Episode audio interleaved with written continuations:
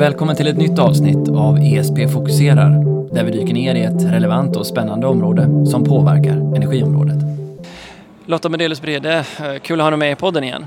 Tack så mycket, kul att vara här igen. Vi har nu varit eh, och spenderat hela eftermiddagen på Kraft 23, er årliga konferens. Ehm, ja, vad är ditt samlade intryck om vi börjar där? Generellt, vad, vad var de viktiga frågorna? Eh, den här gången så fokuserade vi på elmarknaden. Liksom, vad är det för förändringar som, som behövs eller som är på gång för att vi ska klara den här energiomställningen. Så att, eh, det var väldigt roligt att det var många olika eh, deltagare eh, som eh, var inne och lyssnade men också som deltog på scen. Men alltså det, det är en illustration tror jag av att eh, sektorn ändrar sig. Att det, det är många fler som dels är intresserade men också som är berörda på olika sätt av hela energiomställningen energibranschen. Och det är kul tycker jag, det såg man idag. Mm. Ja, det verkar som att ni ville dra en röd tråd från EU hela vägen ner till eh, lokalnäten och hur de här ska samverka mer var något som återkom. Hur eh, påverkar den här förflyttningen behovet av samverkan mellan olika delar av systemet som du vill beskriva det? Nej, men jag det var en bra beskrivning av det. Alltså, och det som vi hörde också, vi har, till exempel på EU-nivå eh, så har man ju såklart samverkan och det har vi gjort väldigt länge. Man tittar på stamnätsoperatörerna och hur vi driftar våra system. Och, och, det har vi gjort i Sverige, hur vi driftar tillsammans med regionnätsägarna och producenter och sådär. Eh, men det som, som eh, väl var tydligt nu och som, som är tydligt kopplat till just energiomställningen det är att Eh, det kommer krävas på så många olika nivåer och involvera många andra aktörer också. Dels handlar det om att utveckla marknaden, alltså hur ser man till att, att inträdeshindren inte är för höga, att olika former av eh, eh, stödtjänster kan anpassas till olika aktörer. Och en del kan vara små, en del är stora, för en del är det här känd materia, för en del är det helt nytt. Så, så lite, det är en del av hur man ska sam samarbeta och samverka kring det. Men sen är det ju också såklart kopplat till till ehm, ja, tillståndsfrågor, acceptansfrågor som vi har pratat om förut också. Hur kan eh, man på en regionnivå tillsammans, alla aktörerna, sätta sig och diskutera vad man vill med sin, liksom, sitt, sitt, om, region, hur ska det utvecklas och hur spelar elinfrastrukturen, vilken plats får den ta i det? Så det finns ju på alla möjliga nivåer eh, och då måste ju också lokala ja, enskilda medborgare också för den delen komma in i det. Men också kanske hur man kan bidra till eh, som enskild att anpassa sin konsumtion av el när det är eh, höga priser, att dra ner den och vara mer flexibel och bidra till hela energiomställningen på det sättet.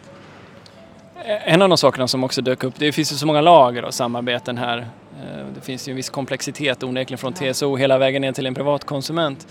Men en av de teman som dök upp här, lite kanske förvånande från delar av industrin, var att vi behöver en ny myndighet som samordnar det här, olika grader av eh, ökat behov av centralisering.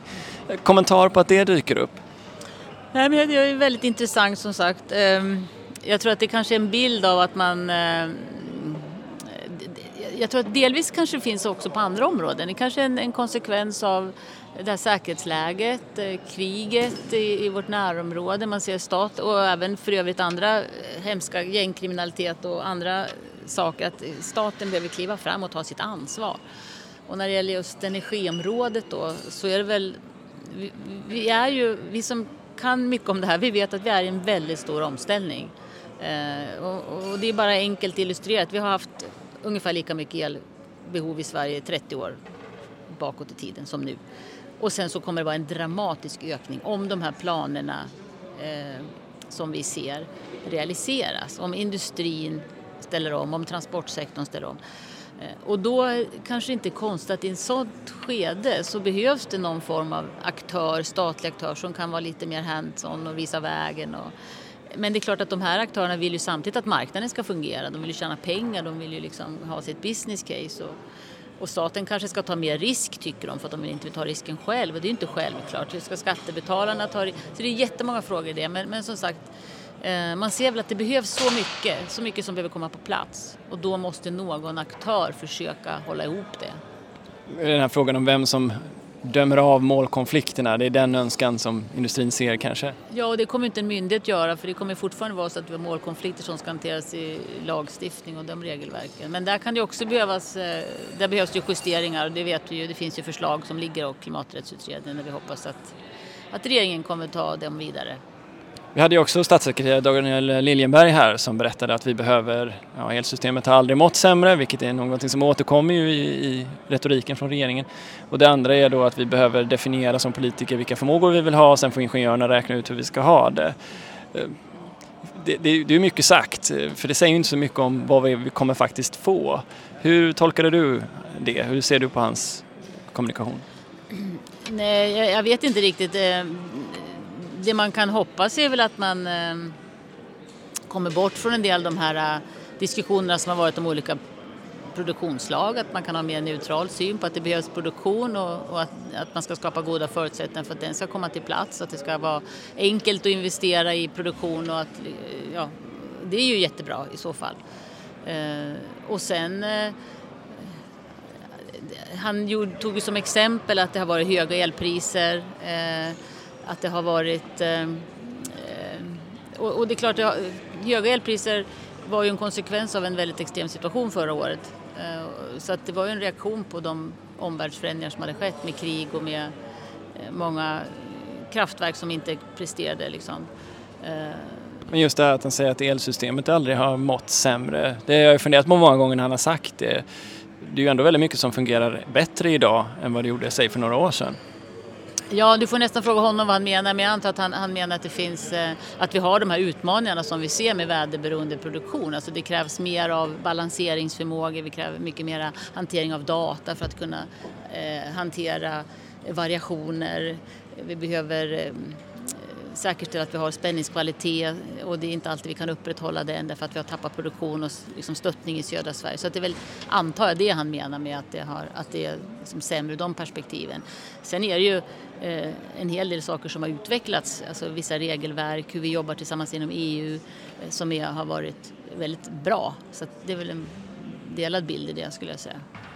Ehm, en annan del som han tog upp i den där orosbilden som han förmedlade var den om eh, roterande bortkoppling. Han tog er som ett exempel att ni hade flaggat för det föregående vinter. Hur ser det ut inför den här vintern som kommer? Eh, vi ser ju inte det, den risken den här vintern. Det var ju som sagt väldigt extremt som statssekreteraren sa. Vi hade väldigt höga priser därför att vi hade en brist på, på gas. Eh, vi hade väldigt lite vatten i norska magasinen och vi hade problem med kärnkraftverk i Frankrike och i Sverige. Så att, och väldigt osäkert läge. Eh, och vi ser ju inte alls den situationen i år utan det, det, det ser vi inte någon risk för. Sen kan saker hända men eh, nej. Okej, vi får vänta och se helt enkelt på vad den eh, energipolitiska propositionen kommer med här under hösten. Um, ni hade också Damien uh, som är ordförande i styrelsen för eh, uh, NSOE, alltså er, vad ska man säga då, er moderorganisation inom Europa. Han lyfter fram fyra olika områden. Eh, som de ser som särskilt nödvändiga för att få investeringar som ett perspektiv här på konferensen idag. Det ena är flexibiliteten behövs, hur får vi investeringar tillräckligt med flexibilitet? Man behöver ändra sättet vi kör näten på. Eh, jag antar att det innehåller ett moment av digitalisering där också. Investeringar i nätet, det har vi pratat om så många gånger så vi kanske inte behöver nämna för den är självklar. Och så ny marknadsdesign som ger värde till det vi behöver. Och det är ju frågor, jag tänker framförallt på den sista som ni ju har funderat mycket på. Ehm, var, var, står vi någonstans i funderingarna kring hur man skapar den där designen som resulterar att vi får, ja, vad det nu är, de här 130 timmarna som kanske behövs vintertid att balanseras av någonting? Nej, men, för det första så tror jag, jag menar marknadsdesignen fick en hel del kritik under den här krisen som var och det är klart ur, ur vårt perspektiv och även NSOEs perspektiv så, så fungerade ju marknaden. Man fick höga priser och det reagerade konsumenterna på. Sen var det ingen som ville ha de höga priserna såklart men kortsiktiga prissignalerna gick ju fram om man, om man liksom, Eh, Eh, men det behövs också långsiktiga prissignaler för att driva investeringar och det pratade vi också om här. Hur ska ni investera? Det är väldigt volatila priser. Hur räknar man hem en investering och vem tar risken då? Eh, samtidigt som vi vet att det finns en underliggande elkonsumtionsökning och så har det inte sett ut bakåt i tiden. Men alldeles oaktat det, givet de stora behoven som vi eh, har i våra prognoser men som, som finns i hela Europa Eh, så, så ser ju vi att det kan finnas behov av någon form av stöd och du nämnde ju det med kapacitetsmekanismer, det är det vi har föreslagit också. Eh, och sen kan det finnas annat i det här eh, i regleringen som har med ja, hur man får in flexibilitet ja, eller olika former av avtal. Och det, alltså marknadsdesign rymmer ju hur mycket som helst men det är några saker som ändå eh, prissignalerna måste tillåtas slå igenom eh, även om det kan vara problematiskt. Så hade man poddar direkt i, i en konferens. ja, och sen också, men långsiktiga prissignaler måste också på något sätt komma till stånd. Ja, för det var den andra frågan av det här egentligen då. Det är ju den om den ja, egentligen obefintliga terminsmarknaden idag. Det här att få långsiktig prisstabilitet pratade han ju också om. Vad behöver hända där? Vad kan ni göra? Eh, vad har ni gjort hittills? Ja, vi har ju den här försöken med e-pads då som ett sätt att eh, eh, Eh, prissäkra sig och det, eh, det har ju varit en liten volym men det har varit ganska positiva ut, ut, utfall så här långt. Så får vi se eh, hur vi kan fortsätta med det. Det fanns ju också sådana förslag i elmarknadsdirektivet som liknade det som inte flög så mycket så vi får väl se om det kommer någonting där sen när den, den lagstiftningen är färdigförhandlad. Den är ju inte klar än. Men det har vi gjort och det kan ju vara saker som kan behöva utvecklas kanske. Ja, så EPAD är en del av det här förslaget kring övergripande kapacitetsmekanism är att försöka ta det vidare. Det här ledde ju till mycket diskussioner det här förslaget eh, som bland annat Energimarknadsinspektionen sa och frågade sig hur det förenligt det här var med lagstiftning och sådär. Vad är nästa steg för er där? Ni har uppenbarligen öppnat en dörr här för diskussion om hur det här ska styras lagom som jag tolkar det. Ja, vi, vi eh, hade ju börjat med det här arbetet innan vi fick uppdraget av regeringen och det handlar ju om att vi att vi ville bidra till debatten. Vi såg att det här Ja, vi ser att det finns ett behov av att det tillkommer en annan, någon form av produktion som, inte till, som vi inte tror kommer annars om man inte gör någonting. Och då var det här vårt sätt att bidra till den eh, diskussionen och sen har vi lämnat vår rapport till regeringen och nu remitteras ju den och, och den har väl fått som du säger en hel del invändningar vilket vi kan förstå. Det är verkligen inte eh, helt självklart det här men det här är vad vi har landat i. Eh, och det finns också de som tycker att det här går alldeles för kort, det är för lite. Så att, eh, vi får väl se vad regeringen gör, det har inte jag någon insyn i alls. Så ni för debatten framåt där helt enkelt. Um, en fråga som återkommit när jag har träffat dig har ju varit ja, dels den om hur hastigheten ökar, det märker vi ju här i år igen, det kan man väl säga är det återkommande temat de senaste tre årens konferensen kanske. Ehm, men eh, om du tolkar in hastighetsfrågan och kanske inte behovet av desperation, det är lite för mycket att säga kanske, men, men kravet på hastigheten, eh, accentueras det, ökar det eller vad säger du? Nej, men jag tänkte, du sa desperation, men frustration hör man ju, hörde jag i alla fall från många. Ja, eh, jag tror att ehm, eh, för många så, så, tycker man nog att det har inte hänt så mycket på, på de här åren som vi har sett, det är ju trots allt så att det här, de här behoven har kommit väldigt, det är bara några år tillbaka eh, som vi har sett de här behoven. Det är ingen prognosmakare som har sett dem heller. Så det får man ha viss förståelse för ändå. Eh, men då tror jag att det är många som tycker att, att det händer ingenting, de får inga svar från oss. Regeringen kommer inte med något lagstiftningsförslag, det tillsätts en utredning till. Och det, det, det hörde väl jag in från många, att de ville se handling. Ja precis, man vill se handling men man vill inte se en utredning till. Nej, vi, ska... utan vi måste springa när vi går var det någon som sa. Men samtidigt så är det ju för oss det är viktigt att vi, vi, vi måste ju ändå eh, Eh, jag menar vi gör våra investeringar, vi måste se till att vi har ett liksom säkert nät, driftsäkert och personsäkert, att vi inte tummar på de kvalitetskraven såklart. Det är ju ingen som vill det heller. Eh, men eh, sen tror jag också att, att det kanske på olika håll finns en insikt att man har kanske inte regionalt heller varit så duktiga på att planera och fånga upp de behov som finns för det har inte funnits det behovet, man har inte behövt för det har funnits kapacitet. Men det har ju, den insikten har ju kommit i alla fall de senaste åren så jag tycker det borde man ha liksom tagit höjd för och det är det vi ser också att från många håll så drar man igång olika former av aktiviteter för, som i Skåne till exempel, jättefint arbete de har gjort eller västkusten eller i norra Sverige. Samtidigt är det ju mycket av det som berör er hastighetshöjning som ju är förslag som ligger på bordet. Exempelvis tänker på klimaträttsutredningen som ni själva har lyft flera gånger om luft eller markkabel och sådär. Vi saknar säga, avgöranden i domstolen än för att göra det tydligt vad som gäller. Hur går det jobbet med att försöka tydliggöra vad ni behöver för att kunna snabba på processen? Men vi har gjort det jobbet eh, när det gäller just teknikval till exempel. Vi har ju väldigt mycket diskussion med MSB om riksintresse. Men vi gör ju massa saker själva för det måste vi. Hur, hur vi själva jobbar har vi gjort väldigt stora förändringar. Vi har ju ändrat organisationen, vi har ändrat eh, när vi inkopplar styrelsen, vi har gjort liksom, eh, ja, vi jobbar på ett annat sätt, mer kan man säga, parallellt och iterativt i, viss, i de här många processer.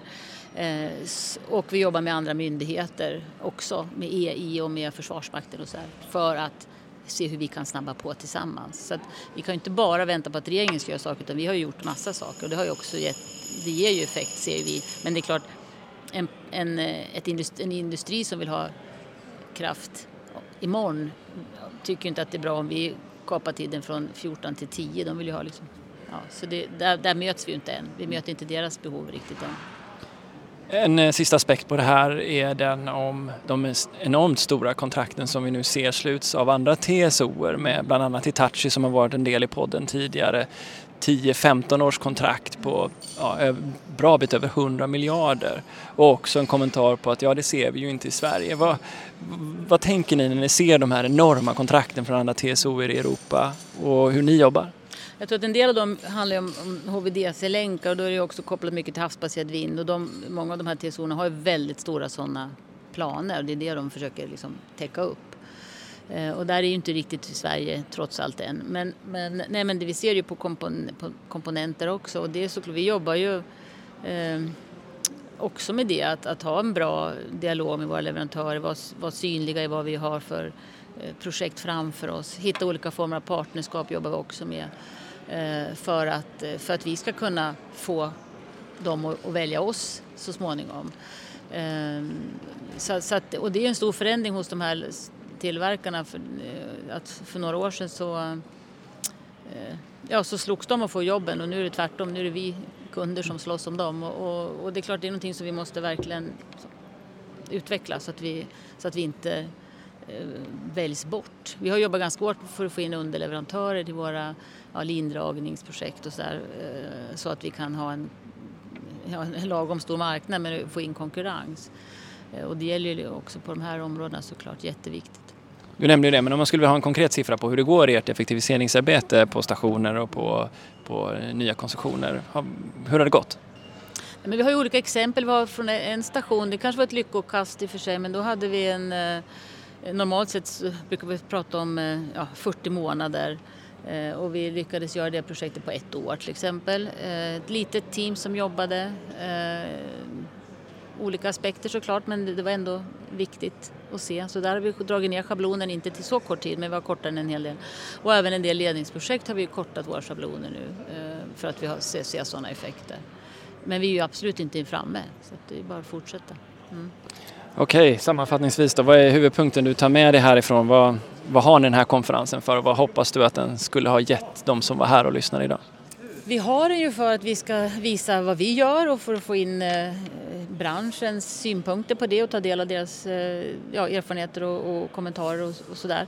Eh, jag tar med mig då att det finns som sagt väldigt stort engagemang från väldigt många håll och bidra och det tycker jag är fantastiskt. Man kan inte bara säga att någon annan ska göra utan det gäller ju liksom att hur kan vi tillsammans ja, få det här att ske lite snabbare då än annars. Eller överhuvudtaget skulle jag säga, annars kommer det inte att gå. Nästa gång vi ses pratar vi vindkraft du och jag. Men eh, för den här gången, tack så mycket för att du var med i podden Lotta. Tack så mycket. Tack.